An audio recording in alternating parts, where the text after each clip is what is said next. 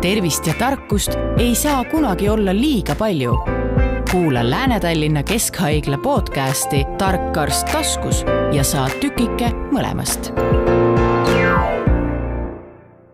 tere kõigile, kes te vaatate Lääne-Tallinna Keskhaigla saadet Tark arst taskus täna räägime menopausist ja külas on mul Eesti Päevalehe ajakirjanik Tiina Kruus ja Lääne-Tallinna Keskhaigla naistearst Anne-Mai Märtson, tervist. tervist. No kuidas siis seda menopausi algust või seda aega üldse tituleeritakse, et mina olen oma peas mõelnud, et see käib nagu koos keskeaga. aga ma ei ole päris kindel, kas see nii on, kuidas, kuidas tegelikult, Anne-Mai? no menopaus on ähm, selline mm, võib-olla tava, tavaarusaamas ähm, eksitav mõiste, et menopausiks loetakse siis reaalselt viimast menstruatsiooni, aga seda saab vaadata tagantjärgi. nii et üldiselt siiski saab seda seostada naistel keskeaga.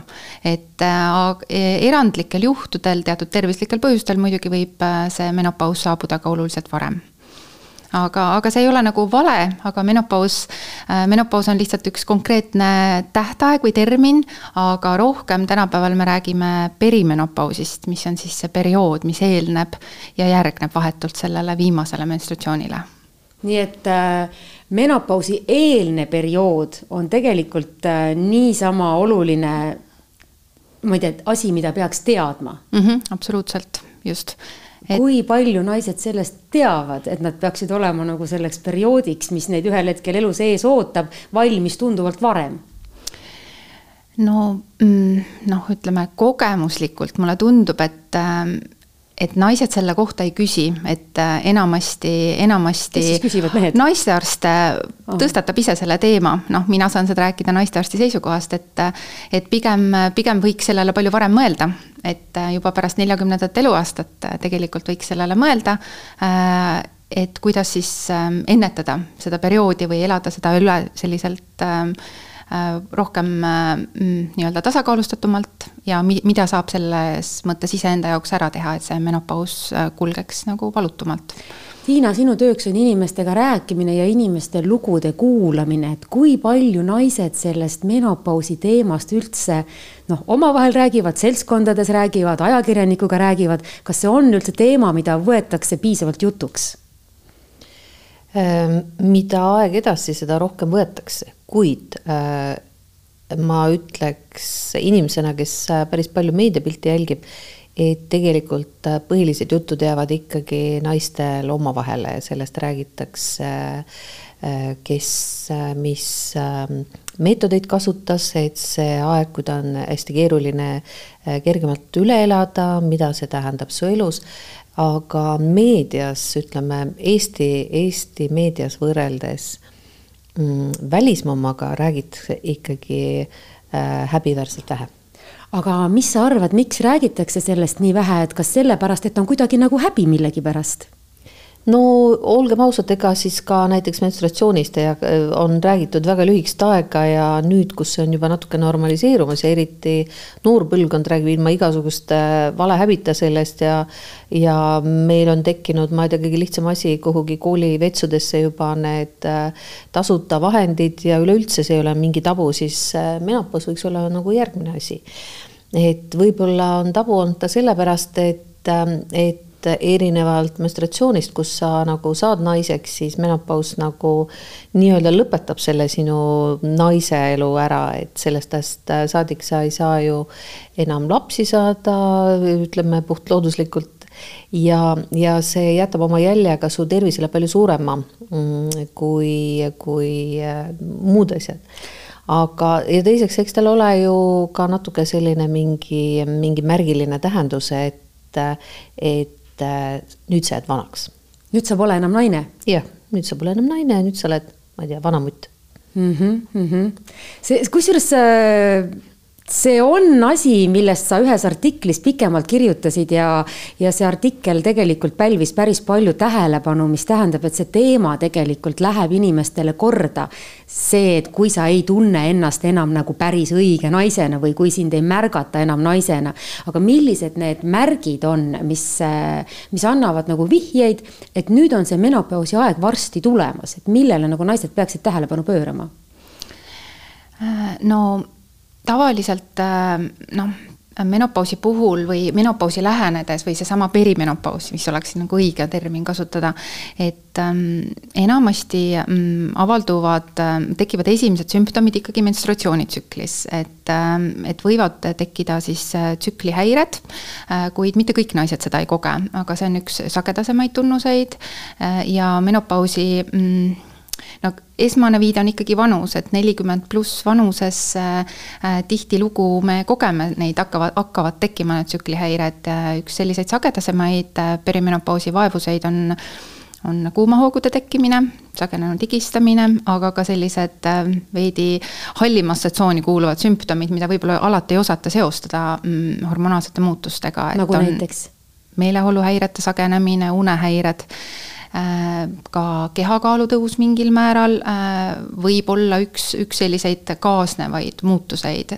et, ähm, et aga jah, pigem, pigem selline unes ja meeleolus muutused, mis samamoodi viitavad sellele, aga kõige tas-, sagedasemad on ikkagi need füsioloogilised või füüsilised sümptomid, et äh, tsüklihäired ja, ja kuumahoogude tekkimine.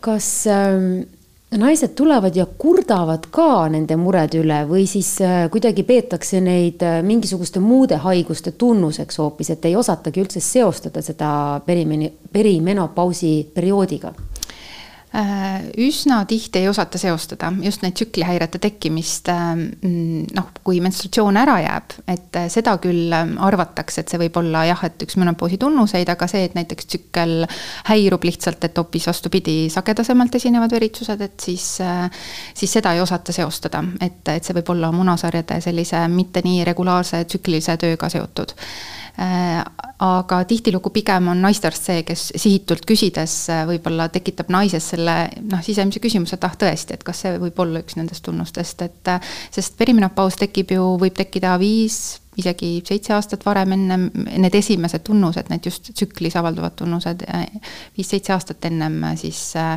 reaalselt viimast menstratsiooni. nii et, äh, et pigem naistearsti roll on sel hetkel seda nagu normaliseerida ja välja lülitada siis. Äh, Öelda, et see on täiesti põhjus. normaalne, et sul tuju kõigub, see on täiesti normaalne, et sa mm -hmm. magada ei saa. mis veel normaalne, mis need naised veel räägivad, et mis need menopausieelsed tunnused on, mis neid endast välja ajavad? No kaalutõus ja, ja on üks kindel asi, sest et paljud minu tuttavad on öelnud, et nad e-, elus ei olnud enne kogenud, et võivad saada endale päästerõnga. ja, ja see östrogeeni kadumine vist, mis mm -hmm. seda põhjustab, mõjutab ikka igasuguseid asju mm. -hmm. ma ei tea, isegi luumurd, aga, aga kõige rohkem inimesi häirib minu meelest ikkagi äh, need äh, kuumahood ja siis äh, mis see teine asi oli, niisugused silmapaistvad hästi suured füüsilised muutused, mida on ka teistele näha. see on magamise mm -hmm. ajal tohutu higistamine ja kuumahood, mis inimesed võivad tabada ka sõna otseses mõttes kuskil. keset kõne, koosolekut, jah. keset koosolekut ja, ja naised tohutult häbenevad neid, kuigi võib-olla ei peaks. aga kui nüüd on see juhtunud mm -hmm. ja kui need kuumahood on juba tulnud ja tsükrihäired ka nagu võib-olla see ei paista nii väga välja, et naised nagu tulevad sellega mm -hmm. paremini toime aga kui need kuumahood ja meeleolumuutused on käes, eks ole, et äh, mida siis sina naistearstina nagu soovitad oma patsientidele sellistel puhul nagu teha? No esmaselt tuleks nagu hinnata, kui väga see nagu elukvaliteeti mõjutab, sellepärast et äh, väga tihti naised, äh, kui nad, kui nad nagu juba tulevad selle murega, et neil on kuumahoog, siis, siis võib juba eeldada, et see on nende jaoks elukvaliteeti olulisel määral mõjutav. aga mõnikord peab lihtsalt sihitult küsima ja nad, siis nad ütlevad, et see neid nii väga palju ei sega, et siis on juba see moment, kus lihtsalt selline elustiili äh, noh, reguleerimine, kasvõi seesama, et ma ei tea, kihiline riietus ja, ja ruumi temperatuuri mõjutamine ja, ja pigem ka selline lihtsalt karastamine äh, leevendab olulisel määral nagu neid kuidas sümptomeid. kuidas see karastamine välja näeb, et kuidas see leevendab? no kui äh, näiteks meie kuulaja ja. tahab saada mingisugust mm -hmm. praktilist nõuannet mm, -hmm. et äh, mhm. mismoodi? noh, selles mõttes, et igasugune öeldakse, et see, mis äh, vereringet stimuleerib, et kasvõi sellised veega seotud erinevad äh, nagu noh, harrastused või siis kasvõi kuuma-külma dušide kasutamine. enne mm -hmm. siis kes keskeas saab talliujuja mm, naisest? nojah, et päris tihti paljud naised seda kasutavad või vähemalt nad räägivad sellest naistearstile. et, et selles mõttes ka ujumine või siis lihtsalt sellisel moel karastamine või siis värskes õhus liikumine, et see tegelikult päris palju leevendab selliseid nii-öelda vaso, vasomotoorseid reaktsioone, sest ega see kuumahoog on östrogeenide sellisest ütleme, veresoonte laienemisega seotud äh, selline ähm, noh, aisting, millega siis kaasneb see, et äh, rindkeres ja peas ja näos tekib veresoonte järsk laienemine ja selle tagajärjel siis selline äh, nahapunetus ja tugev higistamine, võib-olla ka isegi südame pekslemise tunnet, et et äh, noh, kui need sümptomid avalduvad nagu harva, et äh, võib-olla ei ole nii väga oluliselt päevasel ajal, siis tavaliselt naised ei tunne vajadust mingisuguse ravi järele. et siis nad pigem küsivadki, et kuidas seda nagu elustiiliga mõjutada. aga et kui, kui naine ikkagi pöördub tavaliselt, et see kuumahoog nii väga segab teda igapäevaselt, siis tulebki hinnata, et kui see mõju elukvaliteedile on nii halb, et ta ei saagi ei päevasel ajal tema töö tegemine on häiritud, kui ka ta ei saa hästi magada, et siis ongi see moment või koht, kus arutada siis selle üle, et kas see patsient võiks vajada nagu hormoonasendusravi, mis olulisel määral leevendab jaa, aga kuidas hormoonasendusravisse üldiselt suhtutakse, et mis need naised omavahel räägivad, kas nad pigem julgevad selle ette võtta, kas nad tahavad seda teha või nad mõtlevad, et see on mingi nii suur organismi loomulikku tsüklisse või eluringi või rütmi sekkumine, et nad ei teeks seda? Minu tutvusringkonnas on olnud eh, naisi, kellel ei ole olnud muud võimalust, kui seda kasutada, kui su elu on täiesti pea peale pöördunud. kui sul on, eh, ma ei tea, depressioon, unehäired, eh, see kõige äärmuslikumate juhtude jaoks ma kujutan ette, et ei ole muud võimalust, et ta ei ole asjata välja mõeldud ja kuigi tal on omad kõrvalmõjud nagu paljudel muudel asjadel, siis ähm, kindlasti lihtsamate asjade puhul saab abi lihtsamatest asjadest, aga, aga raskemate juhtude puhul kui ikka mingit elu ei ole, siis ma arvan, on selle hormoonasendusravi plussid suuremad kui miinused mm. -hmm aga kas naised nagu, jaa, aga nad ikkagi nagu selles mõttes, mina näiteks ei tea, et kuidas see hormoonasendusravi võiks mõjutada, on ju. et kas sulle tundub, et kas naised üldiselt on nagu mina, et nad ei tea tegelikult, kuidas see toimib või, või, või nad pigem on kursis? paljud ei ole kuulnud, aga nad kohe kuulevad, sellepärast et arstid on üldiselt ikkagi kättesaadavad ja, ja inimesed nii palju teavad, et, et see on üks variant Äh, selle olukorra leevendamiseks ja nad ikka otsi-, oskavad seda abi otsida mu meelest ja eks siis ilmselt arstiga koostöös saab arutada, kas äh, seda kasutada või mitte, mi-, mil määral kuna ma ise pole sellega kokku puutunud, ma nii täpselt seda ei tea, aga, aga ma olen kuulnud oma sõbrannade jutte ja nad on abi saanud. mida see hormoonasendusravi siis teeb, et äh, ma ei tea, kuidas naistearst selgitab näiteks patsiendile, et nüüd hakkab sinuga juhtuma see ja see? No äh, menopausi puhul või ütleme nende sümptomite puhul, sest äh, tegelikult äh, need sümptomid võivad avalduda ka siis, kui tegelikult menstratsioonid veel käivad.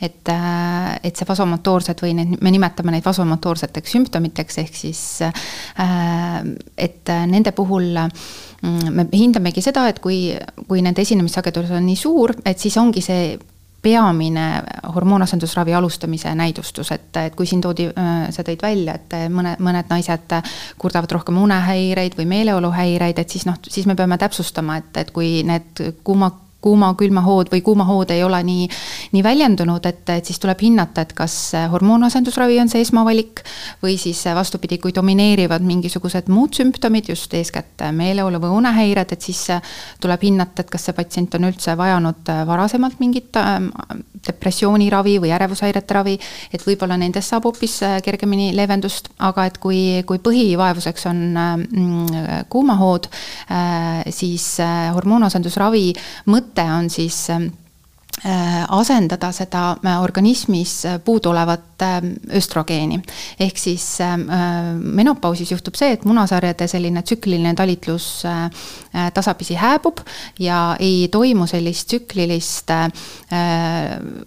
keha omast östrogeeni tootmist ja östrogeeni retseptorid tegelikult on meil väga paljudes organites, sealhulgas siis ajus, luudes äh,, lihastes, et, et sellest tulenevad. Need kõik ka, saavad mõjutatud, jah? Need absoluutselt saavad kõik mõjutada ja sellepärast tekivadki need kognitiivse häire, kognitiivsed meeleoluhäired, unehäired, sest meil väga, väga tihti naissugu hormoonid on, on ka nii-öelda ähm, neuro, äh, neuroprotektiivse toimega, ehk siis nad kaitsevad ja aitavad äh, neuronitel ehk närvirakkudel toimida, nii et selles kuidas mõttes, need mehed küll toimivad?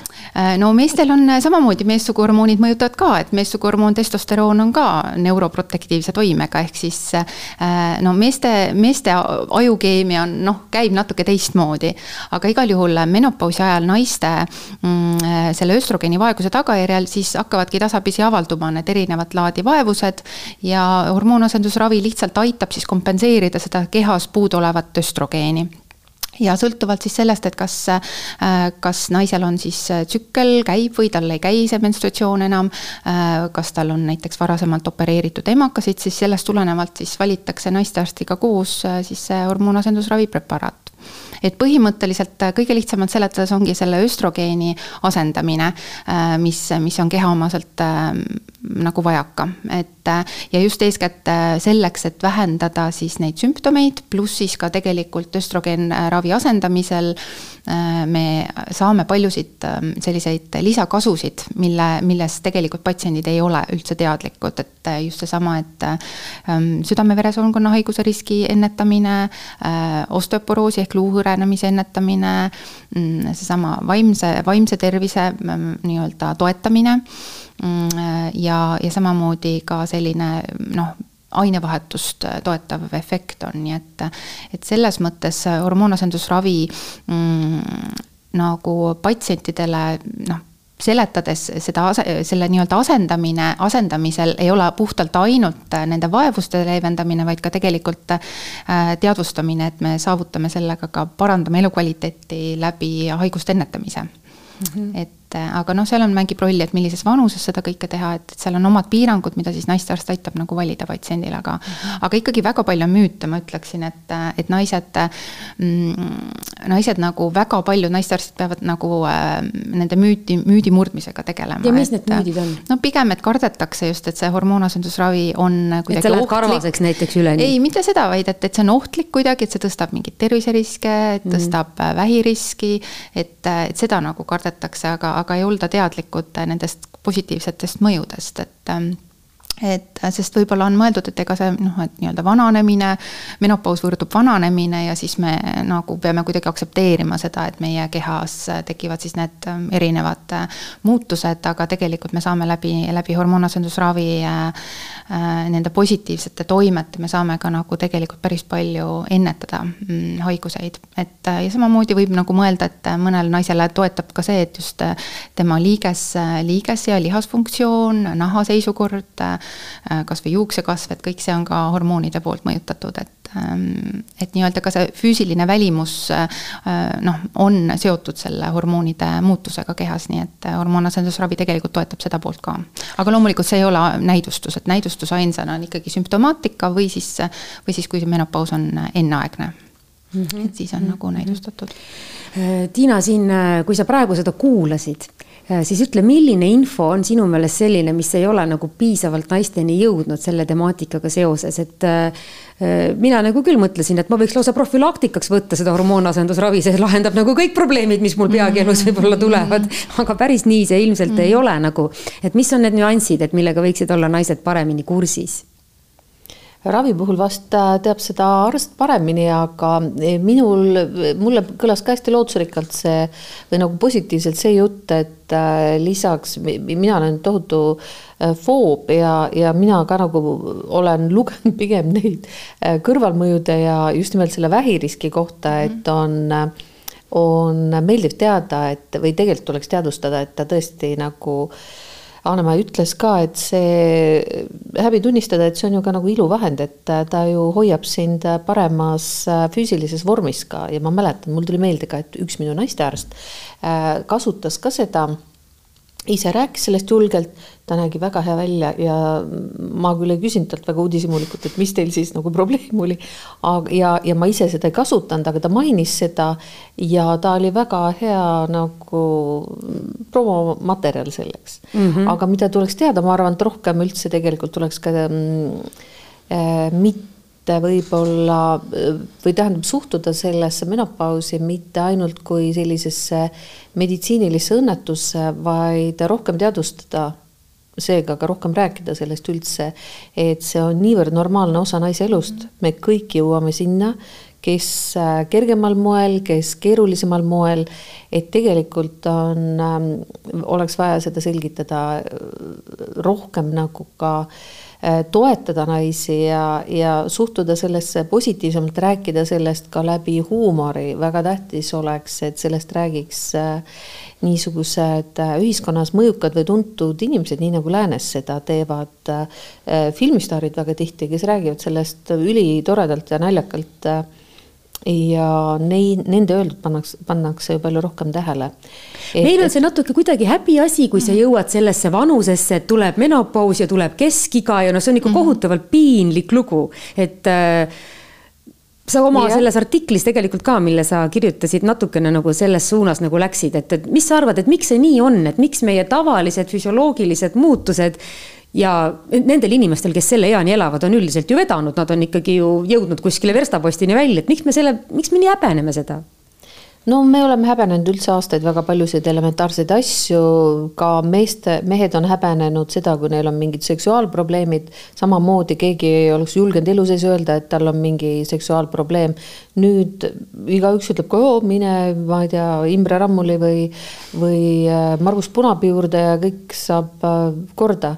et et äh, inimesed on üldse igasuguseid ähm, ütleme noh, ei saa öelda mõttetu tervisemure, aga üle müstifitseeritud või ütleme, liiga mm, no ühesõnaga häbenetavaid tervisemuresid. arvatakse, et sa oled vähem väärtuslik kuidagi? mitte see, aga et on nagu teatud tervisemured, ütleme, et kui sul on südamehaigus, siis see on täiesti nagu lugupidamist vääriv või no ütleme, selline äh,. see viisakas haigus ikkagi. viisakas haigus jah, ja siis on sellised haigused, millest ei julgeta rääkida, lisaks äh, menopausile, seksuaalprobleemidega seotud asjadele on ka näiteks igasugused sooltega seotud haigused, inimene ei julge öeldagi, mis spetsialisti jutule ta läheb siis, et, et mõtle või et ma pean püksid püksid kuskil maha võtma, igasugust valehäbi on nagu tohutult palju. aga et seda kuidagi normaliseerida, et igasuguses vanuses on inimesel igasuguseid probleeme ja ja, ja naise elu kindlasti ei lõpe ja kõik ootused, mis on ühiskonnal äh, nagu väga noorele naisele, võiksid jätkuda, välja arvatud laste saamine ka hiljem, naine ei muutu äh, mingiks ootuks olendiks, vaid ta on ikkagi absoluutselt naine edasi ja menopausiga seoses on väga tihti ka naised rõhutanud, et nende jaoks oli tohutu kergendus ka see, et nad ei pea enam tegelema igakuiste mm, oma muredega, et see on väga vabastav, kui sa oled nagu nendest prii mm. -hmm. ja seal tulevad uued väärtused räägime natukene sellest, et kuidas menopaus mõjutab naise emotsionaalset ja vaimset heaolu. no ühest küljest äh, ajab tujust ära võib-olla see ka, et, et kui sul on mingisugused äh, no tervisega seotud äh, nähud, mis ei ole sellised, mis su elu väga mugavaks teevad, on ju. aga, aga millised on veel need vaimse tervise niisugused ohukohad selle, selle ajaga seoses?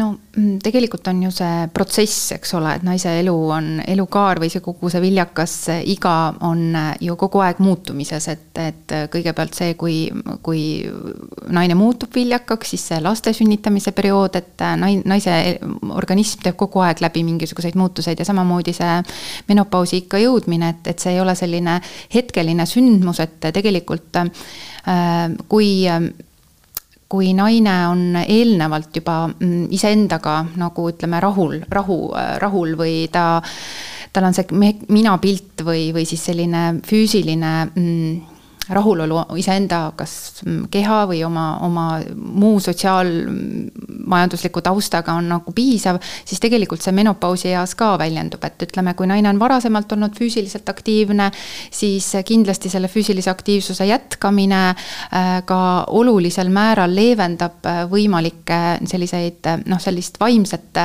vaimseid neid keerukusmomente, mis tal võivad menopausis ette tulla, nii et, et kui, kui varasemalt ei ole olnud, ütleme selliseid mingeid äh, meeleoluhäireid, siis ka see risk ka meeleoluhäirede tekkimiseks menopausis või vaimsele tervisele risk on nagu väiksem. et mingil määral noh, need äh, selliseid äh,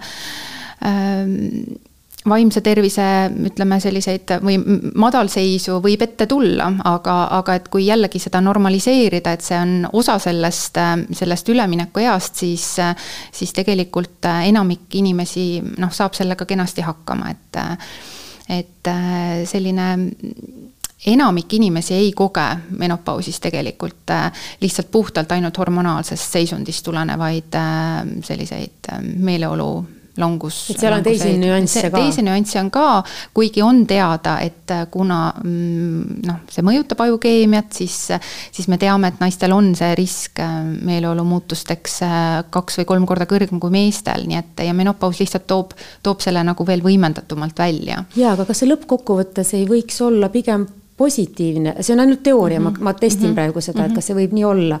et muidu ju naised ja tihtipeale ka nende mehed kurdavad, et näiteks äh, enne menstratsiooni on naine nagu tulehark, sellepärast et tal emotsioonid mm -hmm. kõiguvad üles-alla. Mhm. et kui see menstratsioon lõpuks ära lõpeb, et mhm. kas ta võiks hoopis muutuda palju meeldivamaks kaaslaseks iseendale ja teistele no mul on jah niimoodi raske öelda, et, et ähm, ütleme, et tegelikult seda ma saan tuua välja küll, et uuringud näitavad, et ähm, ütleme, meeleoluhäirete esinemissagedus nendel naistel, kes kogevad sellist väga väljendunud äh, menstruatsiooni-eelseid sümptomeid ehk siis premenstruaalset sündroomi, et, et nendel on natukene kõrgem risk meeleoluhäirete tekkimiseks.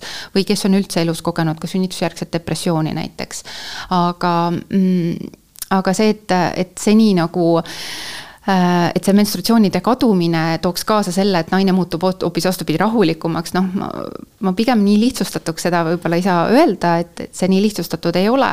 et et, äh, et seal on palju muid nüansse, et, et kui ei kaasne näiteks väga olulist elukvaliteeti mõjutavat unehäireid, äh, siis, siis kindlasti inimene mm, tuleb kergemini toime sellisega stressi, nii-öelda see stressi juhtimisega, et aga stressi juhtimine on ju ka muud oskused, eks ole, et see ei ole ainult ajukeemia, et äh, ja kindlasti mm, selline varasem äh, nii-öelda, äh, nii-öelda kui inimene on sotsiaalselt äh, ka, pigem ma saaks tuua välja, et, et ähm, menopausi ikka jõudnud naine tegelikult, kui ta on lapsed juba suureks kasvatanud võib-olla, et siis võib kogeda ka hoopis vastupidi seda, et ta on ähm, noh, väga rahulolev iseendaga ja ta võib tänu sellele, selle perioodi, ta on nagu enesekindlam ja ta on tõenäoliselt sotsiaal- või ta võib olla ka kõrgemal noh, nii-öelda oma ametialaselt kõrge tipus, eks ole, et, et et äh, siis, siis pigem võib toetada tema nagu hakkamasaamist selle menopausiga, et aga, aga kui äh, sõltub jah, et kus, kus ta oma elupunktis sel hetkel nagu on. et, et seal on nii palju nüansse, et, et ainult menopausiga seda seostada kindlasti ei saa, et et pigem me saame nagu toetada seda, seda protsessi ja normaliseerida ja, ja siis vajadusel siis ähm, noh abistada vahenditega mm, -hmm. et. Ähm, et siin võib olla väga palju mm -hmm. erinevaid nüansse, et üks on mm -hmm. see, et kus sa oma elus parasjagu oled, et see mm -hmm. mõjutab, kuidas sa toime tuled mm. -hmm. minu meelest naiste puhul ja see lihtsalt on nii, mõjutab väga palju ka see, et kuidas nad äh, välja näevad ja, ja mm -hmm. loomulikult see selles vanuses ja kesk ja saabudes üldse, et see väljanägemine mm -hmm. nagu muutub, et. Tiina, mismoodi sina oled seda kuulnud, märganud, tähele pannud, et kas naised elavad väga üle seda, et nende see välimuselt nagu eeldatakse kestvust teatud nagu, et sa oled kolmkümmend viis, näed kuidagi välja ja noh, et nii see jääbki, see ei muutu. et kas nad ise ka ooda, ootavad ja loodavad? see oleneb absoluutselt inimesest. et äh, kui võtta näiteks kasvõi nii lihtne asi nagu hallid juuksed, siis on naisi, kes äh, väga rahulolevalt võtavad oma ilusad hallid juuksed, äh, lõikavad ta võib-olla uude soengusse ja ütlevad, et et äh, ma olen selline, äh, ma ei kavatsegi äh, ennast värvida, mulle nii meeldib ja muide hästi tihti neid ähm, näeb Skandinaavia turistide pealt, et seal on kuidagi üldse see illu suhtumine natukene loomulikum kui võib-olla. igas vanuses olla on normaalne jah. ja, ja, ja aga jällegi on õudselt raske öelda, et kas see on nüüd ainuõige suhtumine, sellepärast et äh, täpselt samamoodi mõni inimene, kelle jaoks on hästi oluline, et ta juuksed oleks samasugused. Äh, ja tema jällegi mitte mingil juhul ei jäta oma juuste värvimist. see on täpselt nii, kuidas äh, sa äh, endaga lepid, mis su jaoks oluline on, on neid, eriti see puudutab noorena väga kauneid kaunis olnud naisi, kes on harjunud Nende identiteet on nende välimus, jah. Nende jaoks on see vananemine tunduvalt traagilisem tihti kui inimeste jaoks, kes oma välimusest pole nii suurt numbrit teinud. et see on hästi individuaalne ja, ja samamoodi ka jõupingutused oma nooruse ilu säilitamiseks, et on neid, kes ma olen Facebookis ka selle iluprotseduuride grupi liige, sest see on kohutavalt huvitav, mida seal, millest seal inimesed arutavad ja räägivad. seal on kahekümne viie aastased, kes ülimurelikult kirjutavad, et kas ma peaks juba hakkama silmanurka botox'it tegema, et äh, üldse ära hoida kortsade teket ja seal on ka viiekümne viie aastaseid, kes ütlevad, et olen siin esimest korda ja mõtlesin, et äkki nüüd ikka kuskilt midagi peaks nagu noh tegema. sest kõik teevad. ja on loomulikult neid, kes elu ei teagi, et niisugune grupp on olemas, nii et see on mm -hmm. nagu tohutult lai skaala rahulolu, millega naine endaga rahul on. sa mainisid siin äh, Põhjamaa naisi, et minu meelest äh, on siin natukene see ühiskondlik suhtumine mängib ka rolli, et kui siin kui sa tunned, et sa oled igas vanuses aktsepteeritav, siis sa ka julged olla igas vanuses eks ole, et kui sa võib-olla mm -hmm. siin meie veel natuke oleme sellel skaalal, et igas vanuses naine ei tunne ennast võib-olla aktsepteerituna, mistõttu ta ka ei julge minna halliks, ta ei julge minna kortsu, sest äkki ma siis ei ole aktsepteeritav. et see on ka võib-olla üks põhjus, et miks nagu püütakse kuidagi seda äh, keskea ilminguid varjata või siis, või siis edasi lükata või, või. ja, ja see, see on täiesti kindel ja Põhjamaad ongi vaata just äh, Äh, naiste aktsepteerimises ja, ja soolises võrdõiguslikkuses ja ähm, na, naised ei muutu seal kindlasti äh, keskealistena ja vanematena nii vähem olulisteks kui meil, see, see ühiskond on nagu palju ühtlasem selles mõttes, et me oleme sealt palju juba üle võtnud eeskujude mõttes ja võiksime rohkemgi võtta. no üks asi, mille me, ma arvan, suhteliselt nüüd ruttu ja suhteliselt hästi üle võtame, on see, et me pöörame rohkem tähelepanu enda tervisele ja missugused äh, tervisekontrollid võiks nüüd äh, teha ära, kui naine tunneb, et tal see menstruatsioonieelne periood on juba käes või menstruatsiooni lõppemise eelne periood on juba käes, et äh, mis need ohukohad on, et mida tuleks kontrollida? no äh, tegelikult ega see ülemineku ikka jõudmine nüüd äh, mm, ei muuda drastiliselt, drastiliselt seda sellist regulaarset nagu tervise kontrollimist, noh, ma saan öelda seda, et noh, tihtilugu naistearst on võib-olla üks selline arst, kuhu naine kõige regulaarsemalt satub. et ta ei pruugi perearsti juurde üldse sattuda, seni kuni tal ei ole mingeid olulisi kaebuseid. nii et selles mõttes ma saan ainult julgustada ja soovitada naistel ikkagi käia naistearsti juures regulaarselt.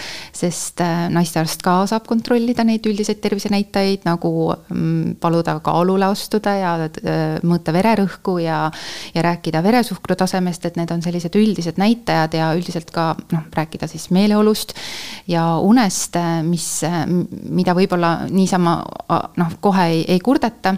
pluss siis loomulikult kõik need sõeluuringud, mida siis noh, millesse me soovitame, mille, millest osa võtta. ehk siis noh, emakakaelavähi sõeluuring algab muidugi oluliselt varasemalt, et algab kolmekümnendast eluaastast, aga äh, rinnanäärme vähi sõeluuring ju algab viiekümnendast eluaastast Eestis, nii et et need sõeluuringutes osalemine on, on nagu selline ähm, noh, kindlasti võiks olla nii-öelda palju aktiivsem äh,. aga et selline kord aastas ka naistearsti juurde sattumine juba on olulisel määral äh, noh, aitab vähendada tegelikult terviseriske äh,. kui vähegi puudutada neid üldtervise teemasid ka, nii et mis, mis siis puudutavad nii-öelda, nii-öelda naise tervist, seksuaaltervist kui ka sellist üldist, üldist tervist, et sealhulgas ka läbi naistearsti on võimalik ju ka kas kaaluprobleemidele noh, nii-öelda leida lahendusi, kontrollida selliseid näitajaid, mis, mis aitavad jälile saada siis sellistele Ehm, noh, üldtervise mm, muutustele, et äh, sealhulgas südame-veresoonkonnahaiguste riski, äh, riski äh, maandada, samamoodi naistearst saab aidata mm, juhtida tähelepanu sellele, et kuidas just perimenopausis veel ennetada teatud haiguste tekkimist, nii et. mis haigused võivad tekkida?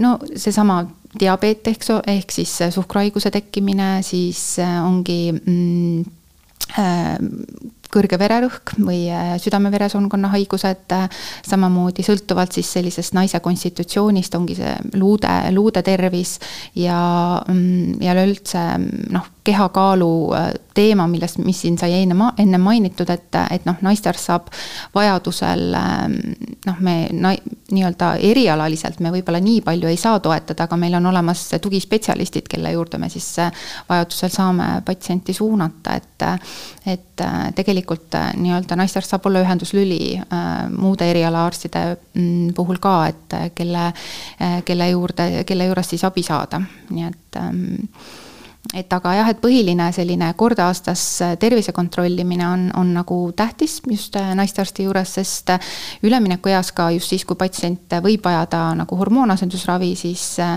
siis selline mm, nii-öelda ütleme, me nimetame seda vähivalvsuseks, et, et ongi äh, hoida silma siis peal teatud seisunditel, mis, mis võivad tekkida just pigem äh,, pigem menopausis, et kuidas muutub intiimelu menopausi ajal? Mm. -hmm kindlasti sellel on oma mõju äh, ja, mm, ja see on ka üks teema, mida tuleks äh, nagu rohkem normaliseerida, et teatud muutused tekivad, sellepärast et naissuguhormoonid mõjutavad konkreetselt mm, limaskestade seisu ja, ja isegi anatoomiat. et, et tänu, tänu hormoonide langusele siis on võimalik, et intiimelu noh, muutub nii-öelda vähem nauditavamaks, sellel on kerged kerge on selle, seda tegelikult leevendada ja vastavate siis nii-öelda ravimitega. nii et, et noh, seksuaalelule kindlasti menopausis on väga paljudel naistel noh, mõju.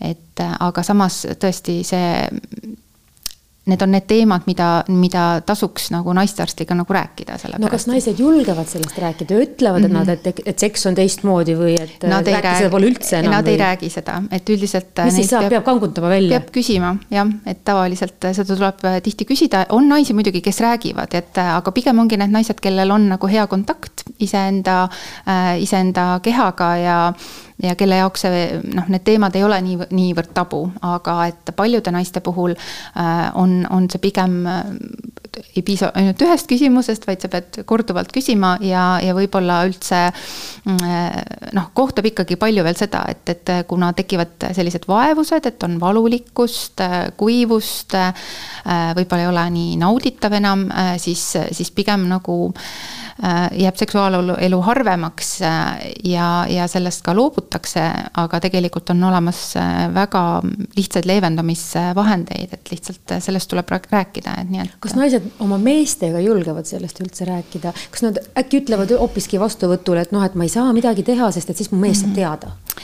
ei, pigem mitte, et aga ma ei, ma arvan, et ma ei ole ka õige inimene sellele vastama selles mõttes, et, et ähm, et võib-olla see on terapeutide teema rohkem? see on jah, et äh, kui tõenäoliselt võib olla nii, et ähm, noh, me, me küsime kindlasti selle koha pealt, et, äh, et vahel äh, seksuaalelust loobutakse või liiga vara sellel põhjusel, et on ka mehe tervisel, mehe tervisega tekivad ju probleemid, et kui nad jõuavad viiskümmend pluss või kõrgemasse vanusesse. ja sellest aga... räägitakse vähe, et neil on ju ka tegelikult suur muutus. absoluutselt, absoluutselt, et aga mm, noh pigem, pigem nagu tuleb äh, rõhutada, et, et seal seksuaalelu, seksuaaltervis on nagu täpselt äh, samamoodi nii mitmetasandiline, et, et et kindlasti mm, on seal nagu nüansse, mida nagu annab äh, noh, parandada, et kui ei ole sellist füüsilist, äh, füüsilisi vaevuseid, äh, siis, siis ikkagi kogu see selline mm, seksuaal noh, ütleme ihalangus ja et noh, seal, seal on samamoodi asju, mida saab tegelikult ka läbi terapeutide abi otsida sinna, nii et et ma jah, selles mõttes julgustaks kindlasti sellel teemal ka rohkem julgemalt naistearstidega nõu pidama. Tiina ajakirjanduses me mõlemad töötame ja tänu sellele me teame väga hästi, et need artiklid, kus kirjutatakse sellest, et mis seksuaalelus toimub, et need on ühed loetavamad üldse. ja ma arvan, et ka siis, kui nad on naistele suunatud portaalides või väljaannetes, loevad seda tegelikult ka mehed, nii et see probleem iseenesest on olemas ja lahendust nagu otsitakse aga kuidagi niimoodi noh, nagu vaikselt ja tasakesi loed selle artikli ära, et võib-olla sellest nagu räägitakse vähe, et kuidas sulle tundub, et kas menopaus, keskiga ja intiimelu teemad kas seda nagu julgetakse võtta teemaks või kas üldse peaks seda arutama, äkki ongi ideaalne, kui, kui, kui järjest rohkem teeme neid artikleid ja siis inimesed saavad nagu vaikselt haritud ka sellega? ei, sellest kindlasti piisavalt ei räägita mm. ja, ja see, et ka eh, ma ei tea, kaks sõbrannat saunalaval seda arutavad, see on ainult üks asi, muidugi on eh, hea võrrelda mingeid oma asju ja, ja saada teada, et sul ei ole ainsana probleemid, näiteks juhul, kui on alati inimesi, see tohutult äh, lohutab, sest et tihti mingi raske probleemiga silmitsi seistes inimesele tundub, et ainult temal on see. ja kui ta näeb, et on olemas igasugused tugigrupid, äh, loeb kuskilt ähm, portaalist, kus on mingid küsimused-vastused arstidega või, või äh, saatusekaaslastega, ta näeb, et see on palju laiem probleem, et ta ei ole mingi ebard, et tal on mingi see ja teine asi. et rääkida tuleks absoluutselt palju rohkem, nagu me siin juba vahepeal vahepeal mainisime, et läänes on paljud äh, tuntud inimesed, tuntud naised, näitlejad, äh, saatejuhid, äh, kes iganes, hästi palju sellest rääkinud ja neid lugusid loomulikult loetakse, kui mingi imekaunis Hollywoodi filmistaar räägib, kuidas tal oli varajane menopaus, loomulikult sa raamatut kohe hakkad lugema, et mida, et ta näeb nii ilus välja, oi, ma poleks arvanudki, et see jõuab hästi kaugele ja meil ei ole, ei ole mingit menopausi teemalist äh, mingit äh, arutelu olnud, sest et äh, nagu siin meil oli ka juttu, et tundub, et see on selline natuke valehäbiga seotud asi, et et. Äh, sest kui sul on juba menopaus, sa oled põhimõtteliselt maha kantud. jah, no meil näiteks oleks hea näide Anu Saagim, kui räägiks sellest, ma arvan, kõik kuulaks suu ammuli, ma ei tea, mida ta räägiks, aga kui ta oleks äh, lihtsalt ähm, kasvõi mingi moderaator sellisel teemal, äh, selline särav, täielik ikooniline äh, ikooniline arvamusliider, nagu ta on, et siis äh, no mitte arvamusliider. see normaliseeriks tegelikult seda eluetappi, eks ju. jah, kes äh,, kes tõmbaks tähelepanu nagu sellele teemale, et, et äh, et seal saunalaval sõbrannadega kahekesi rääkides me ei jõua nii paljude kuulajateni, kui võib-olla peaks olema ja sellest äh, kõikvõimalikud kanaleid võiks rohkem rääkida kõigest sellest, ma kuulsin isegi siin jube palju juba täna huvitavat kõike seda, mida kõike võib naistearsti käest küsida, tegelikult see oli minu jaoks täitsa üllatav mm. -hmm. mina lähen ka sinna mingi konkreetse teemaga, et vot mul on see asi mm, -hmm. lahendad selle asja ära, lähedki minema, tuleb välja, et pool elu saab selle ära lahendada, pool, pooled tervisemured, nagu mulle tundub aga noh, eestikeelseid kindlasti ma, mina ise nagu tunnen puudust, et oleks nagu selliseid eestikeelseid, kas vastavaid noh, internetilehekülgi või, või ma tean, et ingliskeelselt on olemas mingid äpid menopausieas naistele. et noh, mis oleks hästi käepärased, kuhu saaks ka naistearst, kes võib-olla nii, esiteks ajapuudusel me ei saa kõiki neid teemasid alati käsitleda. et kuigi tahaks väga, et hea on, kui saab tagasi kutsuda, aga, aga tihti noh, ka inimesel on see arsti juurde jõudmise aeg ju nagu nii piiratud et hästi hea oleks, kui oleks ka olemas eestikeelsed ja sellised ähm, leheküljed, kuhu suunata, et kus siis äh, on vastavad, vastavad teemad just koondatud kokku, et vastavad artiklid ja. ja, ja nagu kuidas sellist äh, nii-öelda ennast aidata, et ka, mis puudutavad no, siis liikumist ja toitumist just. ja. ja, ja seksuaalelu, et, äh, et noh, see on veel selline, siin on palju ära teha selles osas, et aga ma olen nagu nõus, et selle, selliste ikooniliste isi, isi, inimeste nii-öelda äh, kas isikliku kogemuse jagamine või, või siis ähm, et, et nii-öelda nende teemade kaasamine, täpselt, et see teemade tõstatamine, see kindlasti ähm, julgustaks paljusid naisi abi leidma ja, ja pikendama nii-öelda kvaliteetsemat elu, elu, et, et selles mõttes ähm, olen nõus, jah. -hmm. mida saaksid teha pereliikmed ja lähedased, et kui nad nagu, no meie peres on nüüd inimene mm, -hmm. kellel on menopausieelne periood või tal on mm menopaus või mis iganes on keskea tunnused või kuidas need pereliikmed saaksid olla nagu toeks ja, ja et nad vähemalt nagu teaksid, mis toimub, et nad ei, ei reageeriks nagu niimoodi, et see muutub nagu konflikti olukorraks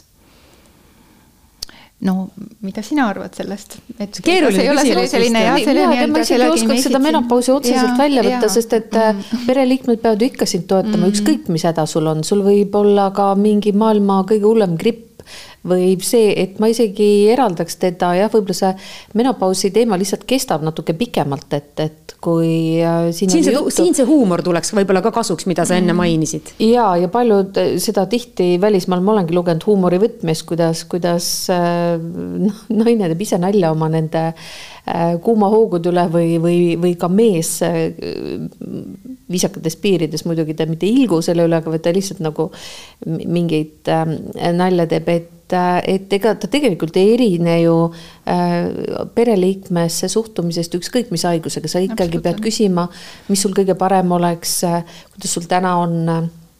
võib-olla lihtsalt jah, nii palju, et seesama, millest me rääkisime, et üleüldine äh, teadmine sellest võiks olla suur noh, just teadlikkus. ja, ja hakkasingi praegu mõtlema, et Eesti pereliig... naises võiks olla menopausi teemaline kolumn näiteks. ja et see pereliige teaks lihtsalt, see, kes ei, ei lähe sul üle kahe nädalaga nagu tavaline mm -hmm. nakkushaigus, vaid et see kestab pikemalt ja, ja, ja millised ta tunnused, sümptomid on, kuidas ta ära läheb, mida sa võiks omalt poolt veel teha aga noh, sellest tuleb ka samamoodi võib inimene, kes selle ise selles menopausis on, rääkida, sellepärast et on vist palju loota, et su abikaasa veel jõuaks vabal ajal lehitseda menopausi teemalisi mm -hmm. väljaandeid ja uurida, et äkki sul on see praegu. nojah, aga vot, kui peres on näiteks teismelised, kellel on puberteet, siis, siis sellesse on kaasatud terve pere talle elatakse kaasa, tema suhtes ollakse mõistvad, teda mõnikord kutsutakse ka korrale, et kas see teoorias võiks samamoodi olla ka siis, kui, kui ütleme, emal on menopaus ja isal on keskea kriis, ma ütlen vaesed lapsed.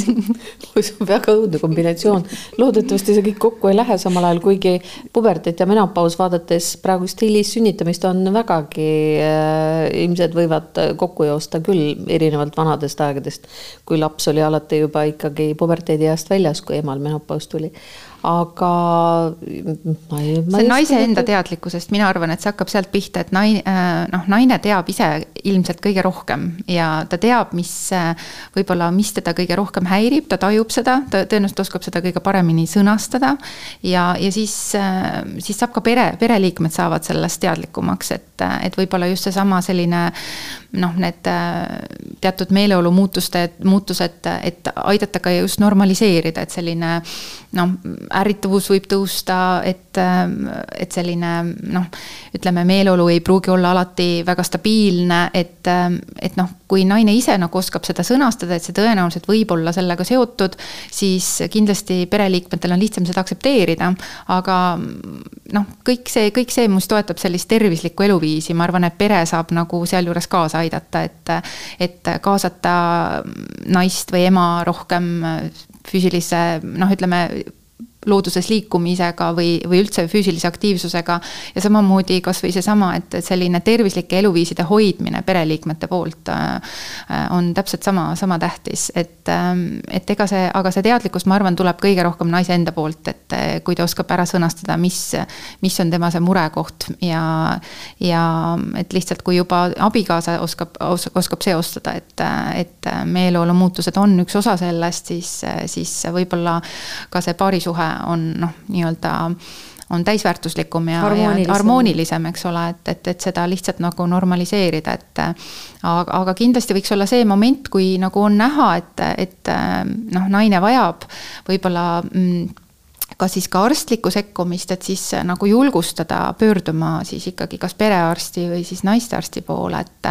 et tegelikult on lahendused olemas, lihtsalt need lahendused ei pruugi alati olla noh, imelihtsad, aga, aga need võivad väga tihti me nagu näeme, et naised kannatavad neid perimenopausi sümptomeid aastaid-aastaid. või ka menopausi sümptomeid, et nad võiksid palju varem pöörduda, et, et võib-olla see on see koht, mis pereliige saab teha, et, et vajadusel noh, öelda, et äkki sa pöördud arsti juurde, äkki sa saad nagu abi Mina noh, naine pöördub kergemini kui meesterahvas muidugi arsti. mina tahaks muidugi öelda, et üldse peab naisi mm -hmm. rohkem tähele panema, kuna Eesti mm -hmm. naine on mm -hmm. väga tugeva kalduvusega mm, ennast ohverdavale rabamisele mm. -hmm. et ta tunneb, et tema peal seisab terve maailm ja tema peab kõik ära tegema, kui terve pere magab, siis tema veel paneb nõusid äh, pesumasinasse ja ma ei tea parandab kellegi katkist mingit asja ja ühesõnaga Eesti naised võtavad väga palju enda peale. pigem võiks olla nii, et see on, mul on kuuma, kallis abikaasa, pane need mhm. nõud. just, et, et nagu naised peavad õppima asju delegeerima ja ka teised võiks midagi teha, siis just minu meelest Eesti naistel on see, see kalduvus mm -hmm. üle pingutada töökusega, usinusega ja sellega, et nemad vastutavad kõige eest samas mhm. kokkuvõttes Eesti naine saab kõigega hakkama ka menopausiga aitäh teile täna siia saatesse tulemast, Lääne-Tallinna Keskhaigla naistearst Anne-Mai Märtson ja Eesti Päevalehe ajakirjanik Tiina Kruus. ja hea kuulaja, ma usun, et menopausi teemalisi artikleid võib lugeda juba enne kui see eluperiood teieni jõuab ja kui see on kohal, siis kindlasti tasub julgeda naistearsti käest küsida kõiki erinevaid küsimusi, mis sellel perioodil aktuaalsed on. aitäh kuulamast, tark arst taskus taas kuu aja pärast, kõike head! tervist ja tarkust ei saa kunagi olla liiga palju. kuula Lääne-Tallinna Keskhaigla podcasti Tark arst taskus ja saad tükike mõlemast